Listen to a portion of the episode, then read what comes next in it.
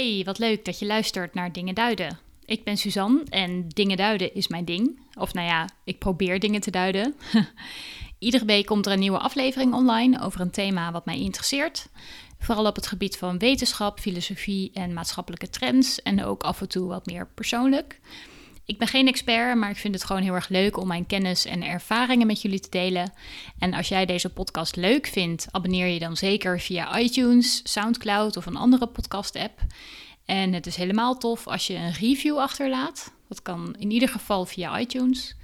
En deze podcast wordt mede mogelijk gemaakt door mijn Patreons. Shout-out patrons. Um, ik doe niet aan advertenties op mijn blog en podcast, want dat vind ik zelf ook altijd heel erg irritant. Mocht je me willen steunen, kijk dan even op suzandulling.nl. Daar vind je een hele mooie button van bol.com en ook een link naar mijn Patreon-account. En op mijn website vind je ook de show notes van alle afleveringen met linkjes naar boeken, artikelen en video's die ik uh, bespreek. En je kunt me daar ook altijd een berichtje sturen voor feedback of ideeën of gewoon even hallo zeggen. Vind ik altijd leuk. Dat was hem. Laten we beginnen. En dit is alweer aflevering nummertje 10. En in deze podcast ga ik het hebben over productiviteit. Ik heb er zelf een beetje een haat-liefde verhouding mee. En daarom vind ik het wel een leuk onderwerp.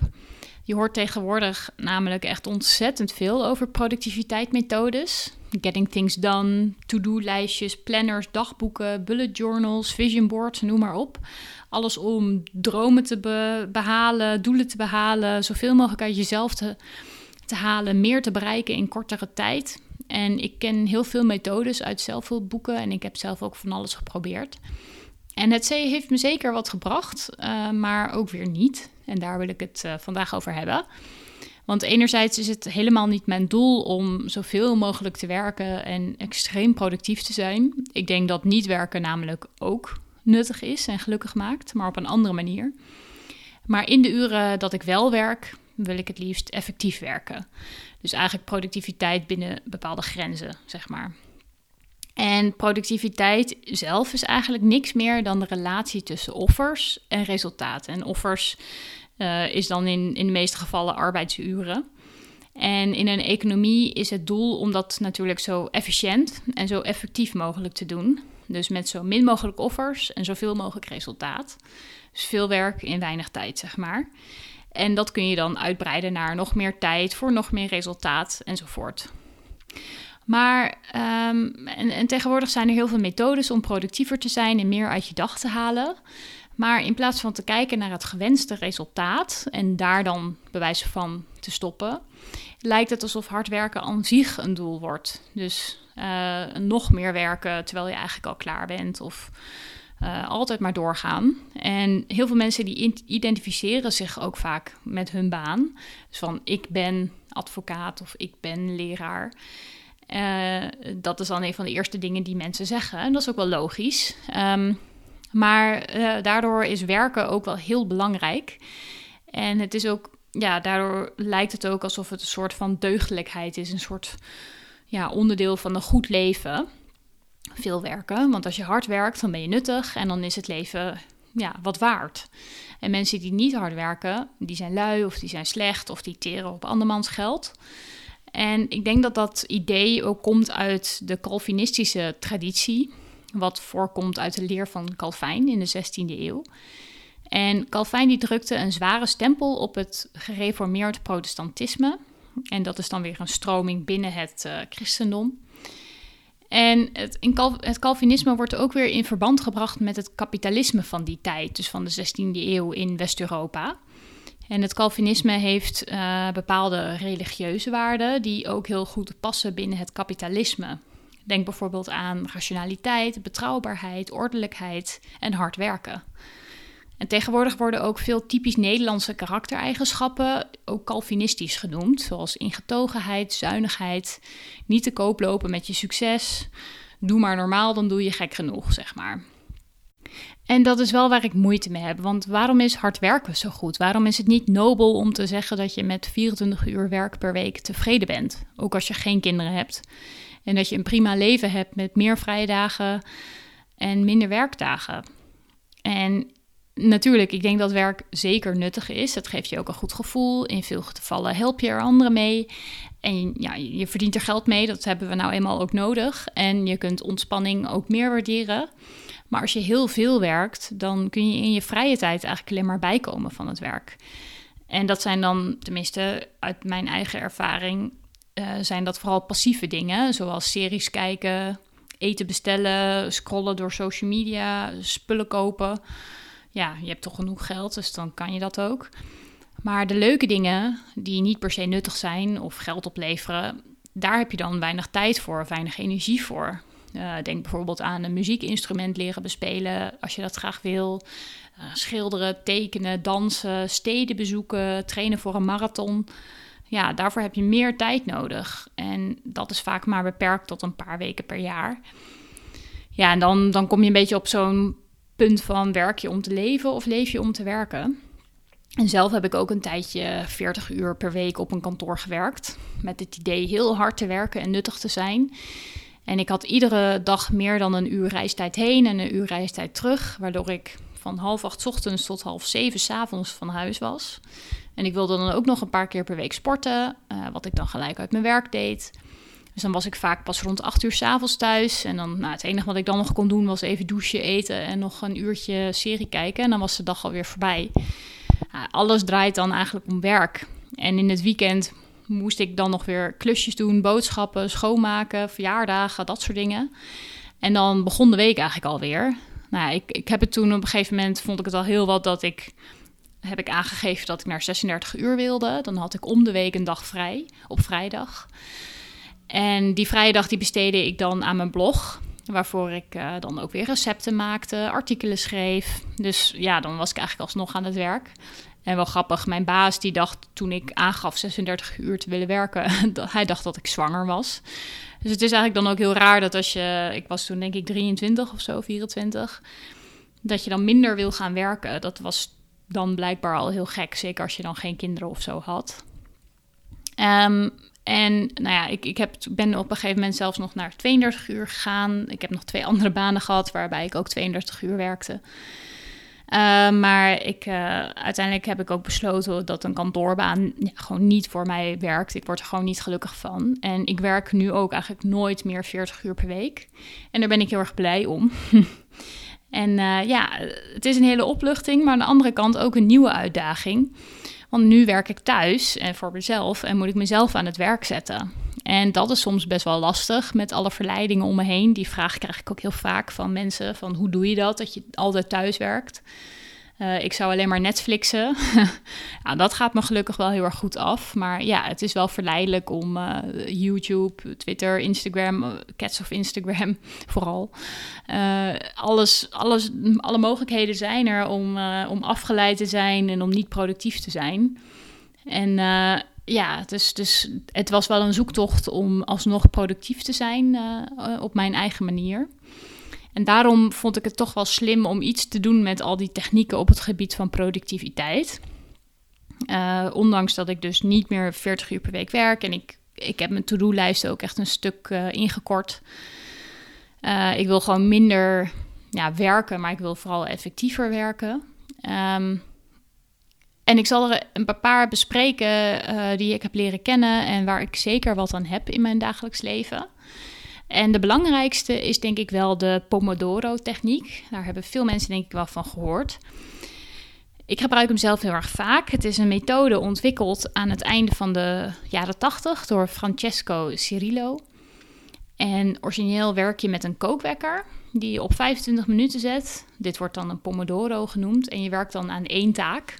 En daarna heb je een paar minuten pauze en dan zet je weer de wekker op 25 minuten enzovoort. En na vier keer 25 minuten uh, te hebben gewerkt, dan mag je ook een langere pauze nemen.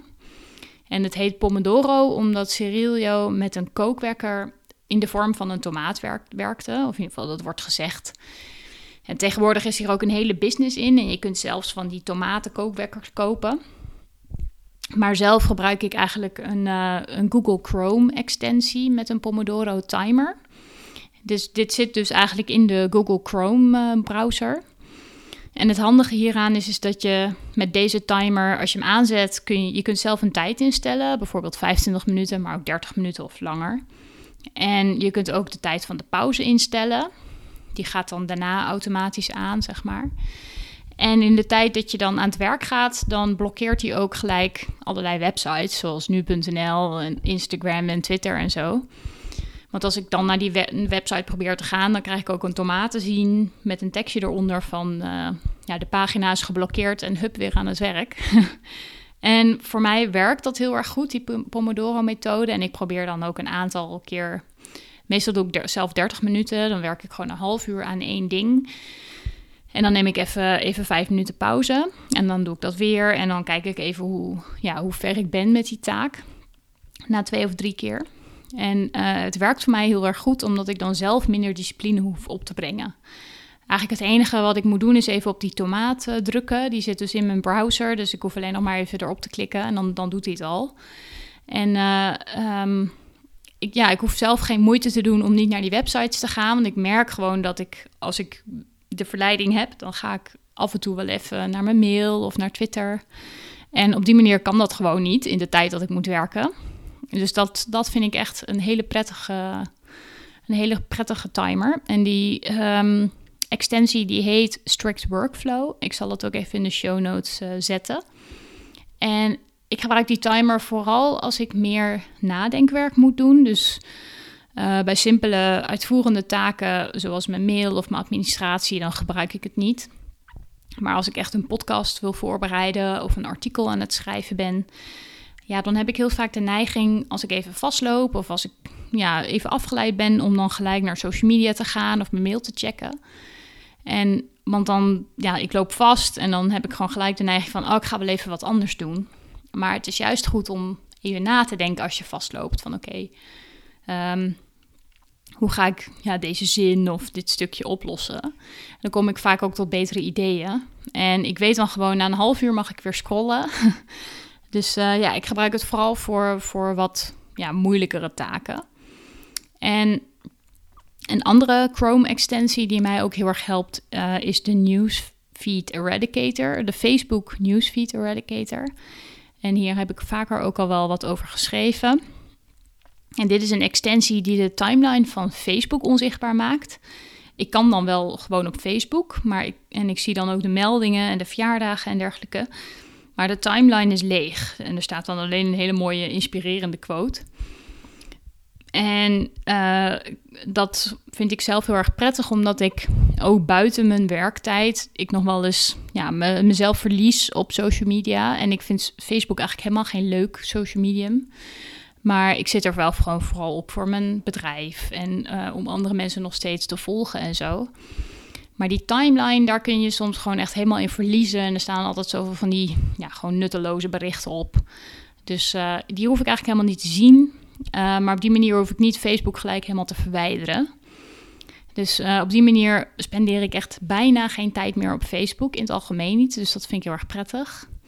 Dus dat is ook een aanrader als je merkt van ik. ik ehm, ik spendeer ook tijdens mijn werk of daarbuiten veel tijd op Facebook.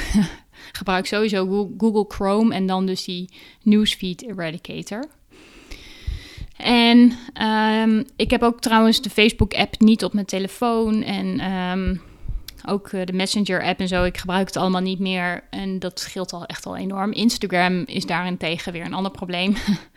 En daarvoor gebruik ik nu ook schermtijd van iPhone. Dat is dus nu sinds kort automatisch uh, op, op iPhone de laatste update. Uh, maar ik merk dat ik dat ook nog wel eens weer negeer. Ik heb een aantal apps geblokkeerd op mijn telefoon tussen 8 uur s avonds en 9 uur s ochtends. Zoals onder andere Instagram. Maar ik merk dat ik soms toch ook wel weer even die app even open buiten of binnen die tijden, zeg maar.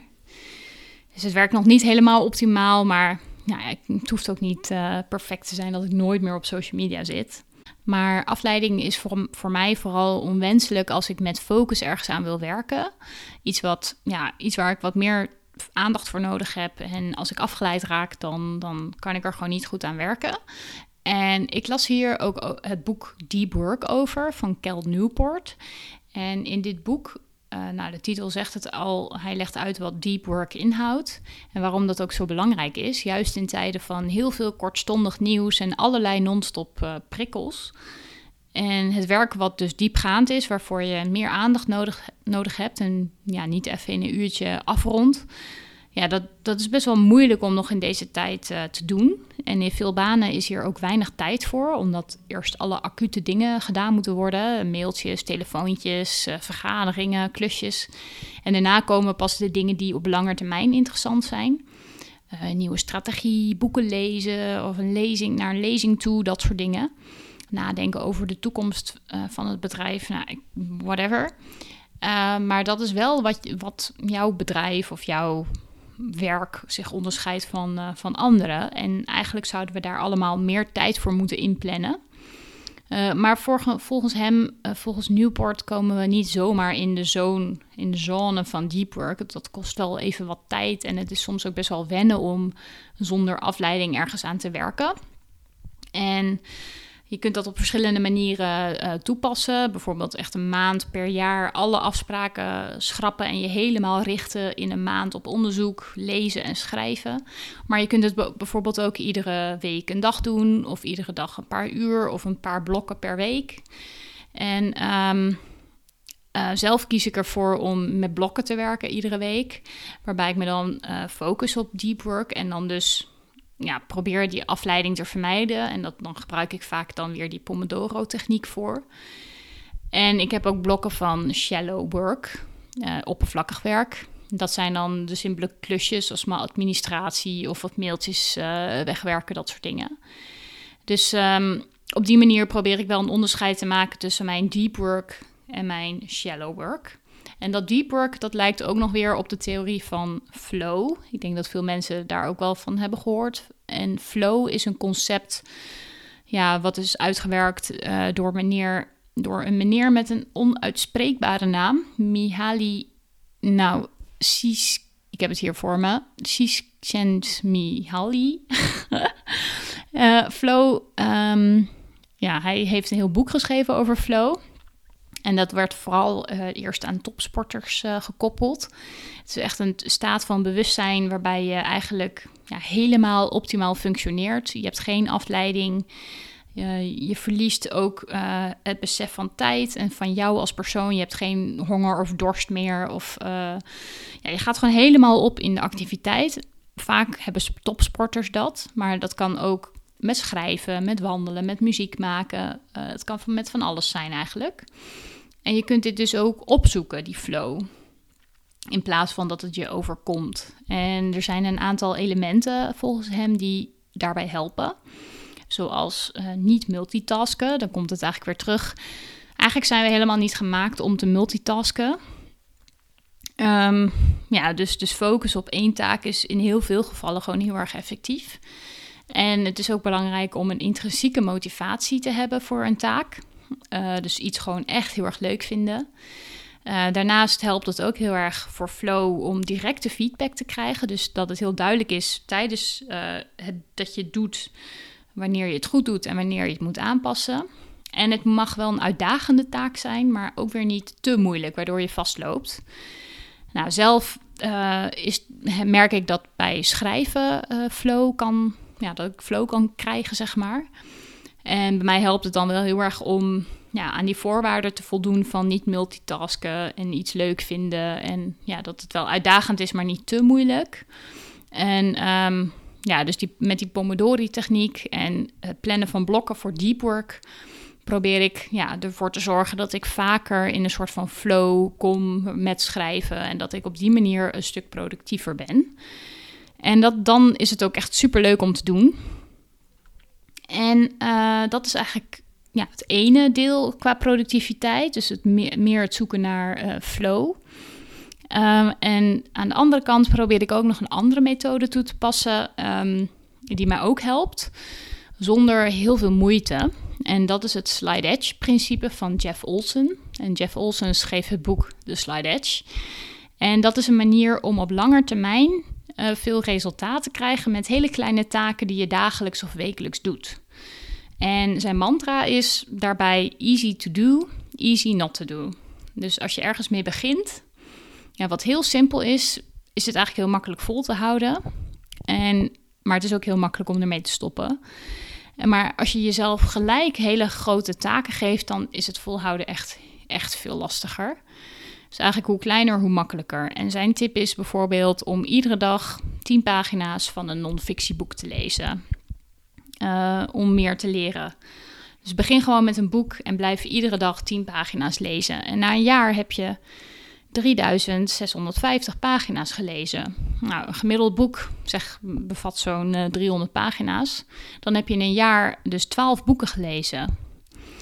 En uh, als dat nou boeken zijn in jouw vakgebied of, of thema's die je interessant vindt, dan leer je in, dus in een jaar echt ontzettend veel. En dat eigenlijk met maar 10 pagina's per dag. En het gaat juist om dat compound effect, dus het effect, het grote effect op de lange termijn. En zolang je maar consistent bent, uh, gaat het resultaat er hoe dan ook komen. Nou, dat kan ook zijn met hele andere taken of dingetjes, zoals een half uur per dag wandelen, één pagina per dag schrijven, tien minuten mediteren elke dag, noem maar op. En op de korte termijn is het resultaat nog niet heel erg zichtbaar, maar op de lange termijn dus wel. En dat is ook tegelijkertijd het probleem van dit principe, of in ieder geval het lastige van dit principe. Want op de korte termijn, uh, misschien soms wel wekenlang, merk je helemaal geen resultaat. Heb je het idee dat het ja, niet zo heel veel toevoegt.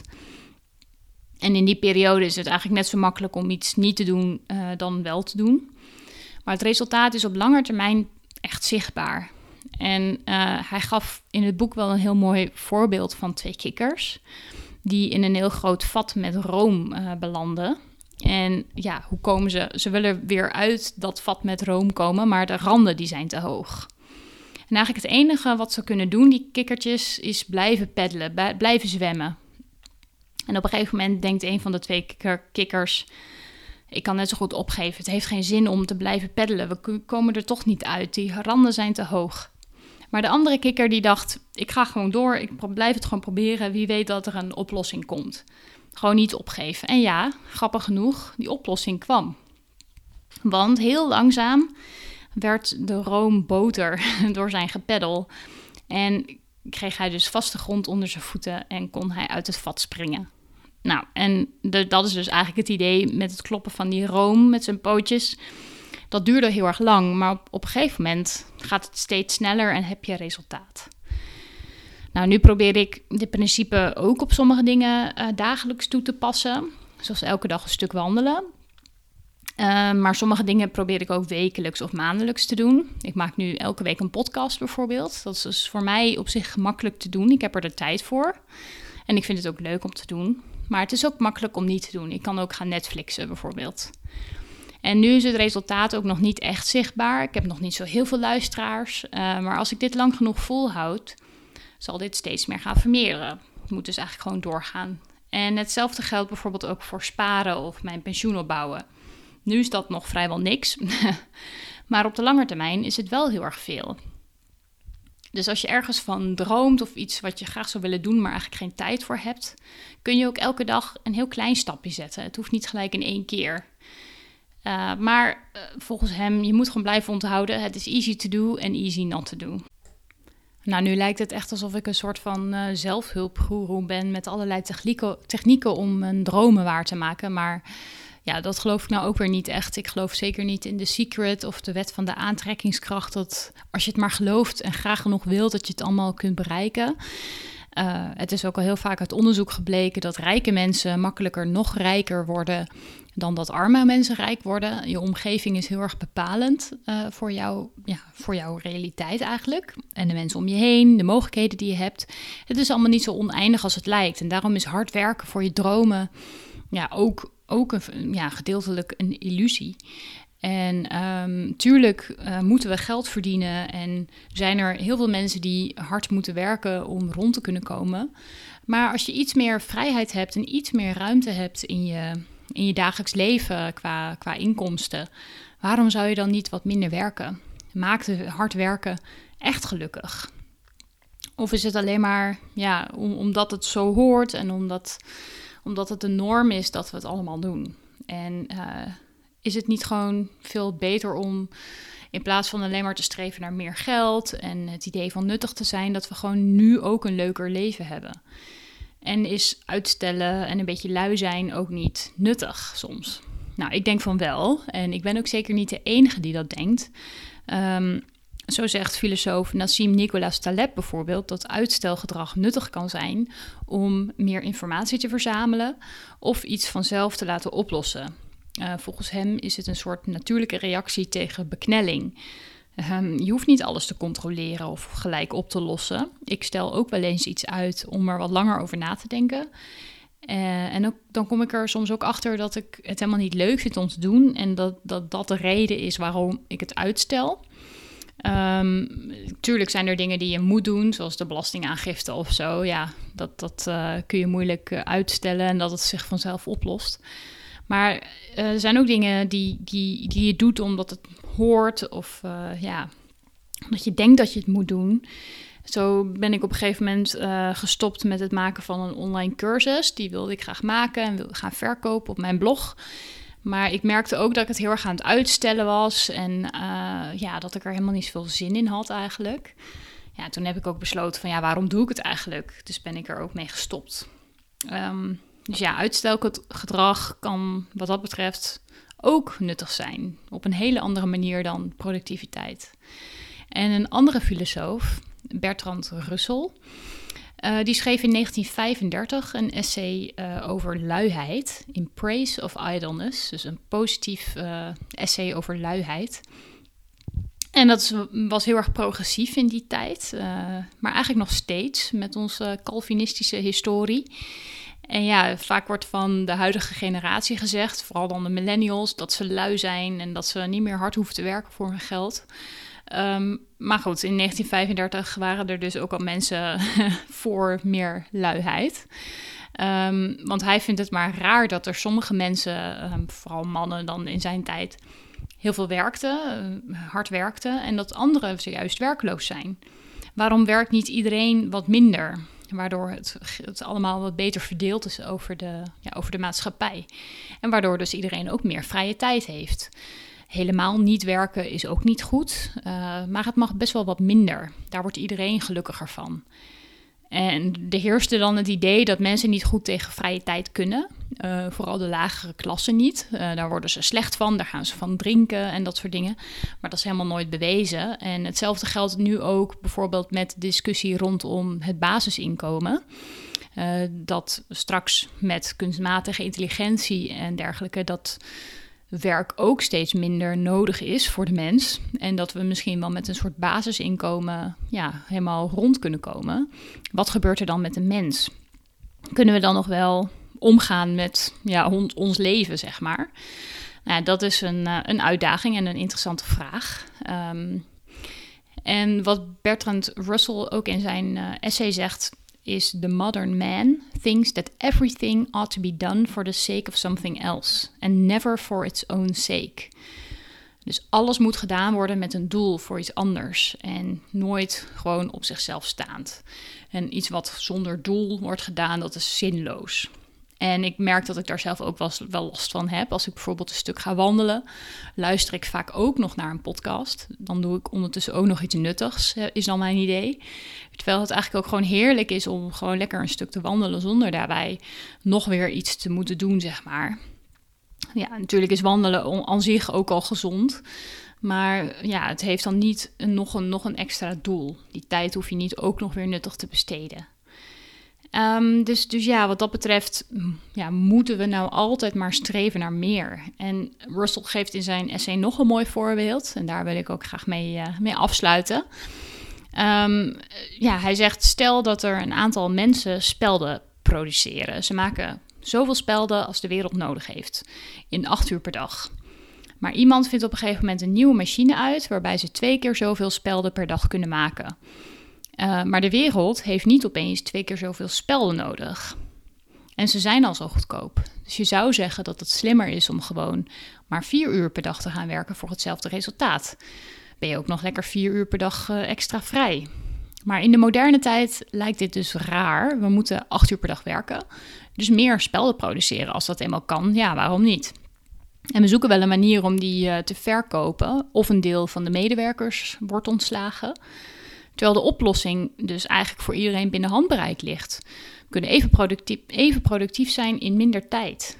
En dat vindt Russell dus echt heel erg raar, dat, dat we daar niet meer naar streven. En dat vind ik dus ook heel erg raar.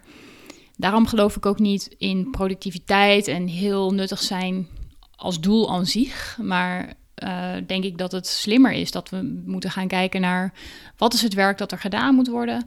In hoeveel, ja, hoeveel tijd kunnen we dat doen? Kunnen we dat efficiënter doen? En dat je dan de rest van de tijd ook meer vrije tijd hebt, waarbij je leuke dingen kan doen die niet per se een doel aan zich hebben. Dus zo kijk ik ook zelf naar productiviteit en probeer ik productiviteit in mijn eigen leven toe te passen. Um, nou, ik heb het geluk dat ik freelancer ben en mijn eigen tijd kan indelen en uh, heel veel dingen kan doen die ik ook leuk vind om te doen. Maar ja, ik denk toch dat, we, dat er iets moet veranderen in onze cultuur en in onze maatschappij. Dat, dat werken om het werken ja, niet een doel moet zijn, maar dat we moeten gaan kijken naar uh, ja, wat, wat wil ik en hoeveel wil ik werken en hoeveel is er nodig. En dat je daar ook je, ja, je aantal uren op aanpast. Dus ik ben heel erg benieuwd hoe jullie hier naar kijken, hoe jullie omgaan met, met werk, met productiviteit, met effectiviteit. Uh, ja, en ook met ja, het idee van nuttig willen zijn of moeten zijn. En uh, ja, wat mij betreft uh, kan het allemaal wel, wel wat minder.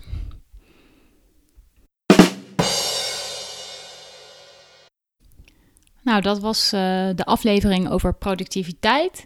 Heb je feedback of ideeën, laat het me zeker weten. Je kunt me altijd een berichtje sturen via mijn website, suzandulling.nl, of via Twitter of Instagram. Ik heet overal gewoon @suzandulling. Dat was hem weer voor deze week. Ik uh, hoop dat je het leuk vond en dat je weer naar de volgende aflevering gaat luisteren. Je mist het allemaal niet als je je abonneert op deze podcast. Doei!